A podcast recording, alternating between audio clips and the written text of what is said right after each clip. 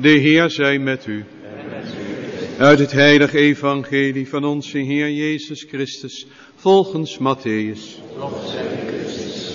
Toen Jezus vernam dat Johannes was gevangen genomen, week hij uit naar Galilea. Met voorbijgaan echter van Nazareth vestigde hij zich in Cafarnaum, aan de oever van het meer, in het grensgebied van Zebulon en Naphtali, opdat in vervulling zou gaan het woord van de profeet Jesaja, land van Zebulon, land van Naphtali, liggend aan de zee over Jordanië, Galilea van de heidenen. Het volk dat in de duisternis zat, heeft een groot licht aanschouwd, en over hen die in het land van doodse duisternis gezeten waren, over hen is een licht opgegaan. Van toen af begon Jezus te prediken en te zeggen, bekeert u, want het rijk der hemelen is nabij. Eens toen hij zich bij het meer van Galilea ophield, zag hij twee broers, Simon, die Petrus wordt genoemd, en diens broer Andreas. Zij waren bezig het net uit te werpen in het meer. Het waren namelijk vissers. Hij sprak tot hen, komt, volgt mij. Ik zal u vissers van mensen maken. Terstond lieten zij hun netten in de steek en volgden hem. Iets verder zag hij nog twee broers. Jacobus, de zoon van Zebedeus, en diens broer Johannes. Met hun vader Zebedeus waren zij in de boot de netten aan het klaarmaken. Hij riep hen en onmiddellijk lieten zij de boot en hun vader achter en volgden hem. Jezus trok rond door geheel Galilea, terwijl hij als leraar optrad in de synagogen, de blijde boodschap verkondigden van het koninkrijk en alle ziekten en kwalen onder het volk genas. Woord van de Heer. Mogen de woorden van het evangelie onze zonde Op 30 september van het vorig jaar heeft de paus een beul doen verschijnen, Aperoid Illis. Hij opende hen de schriften. En daarin kondigt hij aan dat de derde zondag door het jaar ook de zondag van het woord zal zijn. Dit was al voorbereid in het jaar van barmhartigheid en nu is dat doorgevoerd.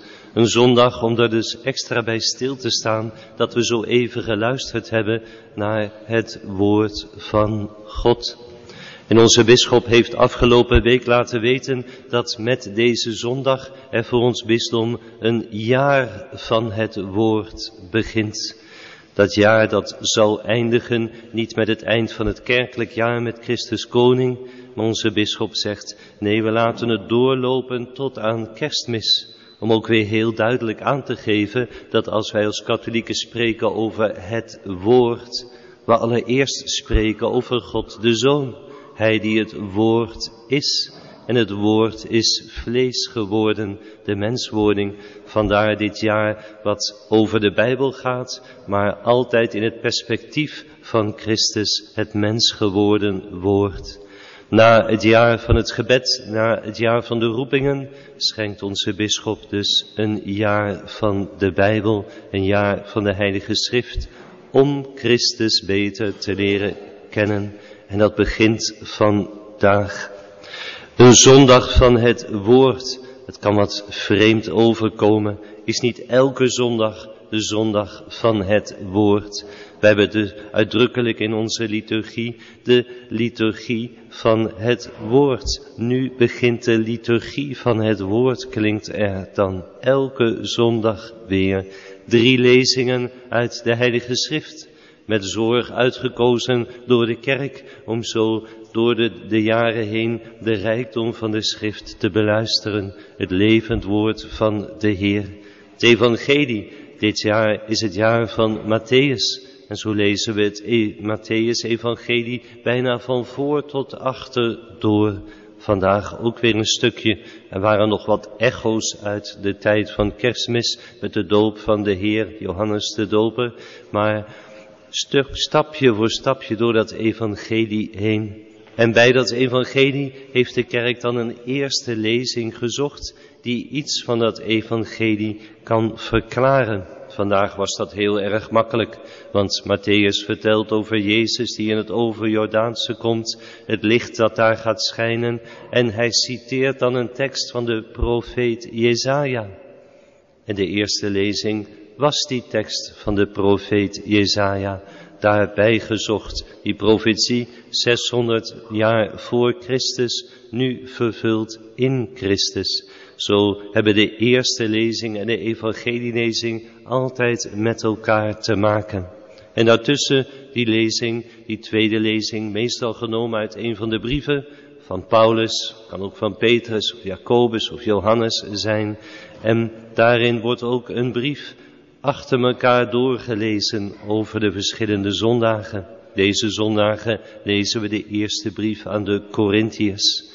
Dat staat er schijnbaar een beetje tussen, maar omdat de schrift één geheel is, voortkomt uit de Heilige Geest, is ook altijd in die tweede lezing iets te vinden wat hoort bij de evangelielezing en wat hoort bij die eerste lezing. Dat is de liturgie van het woord. En het mooie daaraan is dat in bijna alle Rooms-Katholieke kerken over de wereld deze lezingen klinken. Dat is ook iets katholieks, iets alomvattends, dat over heel de wereld, overal deze morgen, de katholieken dit woord van God horen. Dit woord wordt geschonken vandaag aan de wereld door middel van de kerk. En zo weten we ook door het woord van God dat we behoren tot die wereldkerk. De liturgie van het woord. Liturgie betekent eredienst, dienst aan. Maar wie geeft hier een dienst aan wie? In eerste instantie natuurlijk God aan ons. Want Hij heeft ons dit woord geschonken. Hij laat dit woord klinken deze morgen door middel van zijn kerk. En zijn woord is een levend woord, is een levengevend woord, is een omvormend woord. Het woord is er om ons verder om te vormen, meer katholiek te maken, meer open van hart voor de genadewerkingen, meer gehecht aan Jezus, meer bereid om te leven als christen. Een woord dat ons wil omvormen. Het woord is er niet om zozeer begrepen te worden, maar het woord is er om ons te voeden, om ons te vormen. Zo is het een dienst van God aan ons. Maar natuurlijk de eredienst, de dienst, de liturgie van het woord is ook een dienst van ons aan de Heer. Namelijk doordat we aandachtig luisteren als de lezingen van de schrift klinken. Want de schrift is geïnspireerde tekst. Zo anders dan alle andere woorden die op deze wereld geschreven zijn. Hoe knap de auteurs ook waren, of het nu grote heiligen waren, of ze nu iets neerschrijven van hun visioenen of inspraken, het is niets vergeleken bij dit woord van God, want dit is van de Heilige Geest geschonken aan ons. Dus om aandachtig te beluisteren, om te overwegen en vervolgens om er vanuit te gaan leven. Vanuit leven. Dat is wat anders dan dat we proberen ernaar te leven of volgens te leven. Natuurlijk moeten we dat ook doen, maar vanuit leven gaat verder. Volgens het woord van God leven kan nog iets hebben. We moeten er iets uit oppikken wat we gaan doen. Maar dat is niet het belangrijkste van het woord van God. Nee, leven vanuit het woord van God is ons proberen zozeer dat woord eigen te maken dat het ons inderdaad omvormt. Te leven vanuit het woord van God. Zo krijgen we deze zondag van het woord, krijgen we dit jaar van het woord. En de komende groene zondagen zullen we ook nog wat meer stilstaan bij wat het betekent om te leven vanuit het woord van God. Voor de lezingen van vandaag kan dat bijvoorbeeld dit betekenen. Eerst de situaties bekijken. Jezaja schetst een situatie van het volk dat in duisternis verkeert. Paulus schetst een bisdom waar oneenigheid is, daar in Korinthe. En Matthäus schetst de situatie van het over-Jordaanse volk dat ook in duisternis verkeert. En vervolgens vragen we ons af, wat doet God in die eerste situatie? Een profeet sturen die zegt, jullie zullen niet altijd in de duisternis blijven. Integendeel, juist hier zal ooit een groot licht zichtbaar zijn.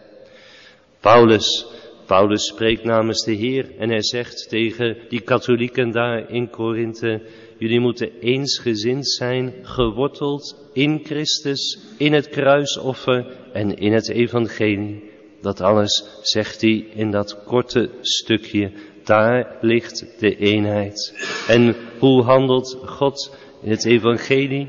Jezus, Hij is het licht dat komt in het overjordaanse. En de mensen, de menigte, volgen Hem. En uit die menigte wijst Hij er nu vier aan die bij de twaalf zullen horen, die een bijzondere zending krijgen. Van vissers tot mensenvissers. Wat betekent dit alles voor ons? Soms is het zoeken naar de woorden en niet naar het geheel, maar die woorden die ons kunnen raken. Bijvoorbeeld zo'n woordje, hij vestigde zich in Cafarnaum aan de oever van het meer. Jezus vestigde zich daar. Daar wilde hij wonen, daar keerde hij steeds naar terug. En de kerkvaders schromen niet om te zeggen, Cafarnaum, dat was natuurlijk die plaats daar aan de oever van het meer. Maar Cafarnaum is eigenlijk onze lokale geloofsgemeenschap. Cafarnaum is ons huis. Cafarnaum is ons hart. Jezus wil zich vestigen in onze geloofsgemeenschap. Hij wil te gast zijn in onze huizen. Hij wil wonen in ons hart. En hij doet dat aan de oever van het meer. Want het meer is het beeld van het ongrijpbare. Als het daar stormt, is het zeer woelig, is het zelfs gevaarlijk. Het is het beeld van het leven waarin wij leven. Maar juist daar wil Jezus bij ons aanwezig zijn. Dan is het aan ons om Hem uit te nodigen dat Hij welkom is in onze geloofsgemeenschappen, dat Hij welkom is in onze huizen, dat Hij welkom is in ons hart. En dat laatste zinnetje van het evangelie, Jezus verkondigde het evangelie. En dat woord wat zoveel rijker is dan die platte vertaling die we nog hebben. Jezus verkondigde het evangelie en hij genas de zieken. En die twee hebben met elkaar te maken. Het evangelie is genezend. Augustinus die zegt, Christus moest constateren dat er niet een paar zieken waren, maar dat wij allemaal ziek waren. En dat klopt, aangetast door de zonden. En Augustinus die zegt dan vervolgens, Jezus die kwam als de dokter uit de hemel om ons te genezen. Onder andere door zijn kostbaar bloed. Maar dus ook door het evangelie. Als wij het evangelie horen, als wij het evangelie overwegen, als we leven vanuit het evangelie, dan werkt dat genezend, dan werkt dat heiligend. Je zou kunnen zeggen, het evangelie is het recept dat we moeten lezen om werkelijk katholiek te worden, om genezen te worden. En u weet, bij een recept staan er ook altijd bijwerken, bijwerkingen vermeld. Wat zijn de bijwerkingen van het lezen van het evangelie? Dat we meer zachtmoedig worden. Wat is een bijwerking van het lezen van het evangelie? Dat we een terugkerend verlangen krijgen om te bidden. Wat is een bijwerking van het lezen van het evangelie? Dat we een groter honger krijgen naar Jezus in de Eucharistie. Want het woord van de schrift wil zich uiteindelijk verdichten, om het zo te zeggen, in hem die het ware woord is mens geworden en derhalve Eucharistie geworden. Na de liturgie van het woord komt in de mis de Eucharistische liturgie.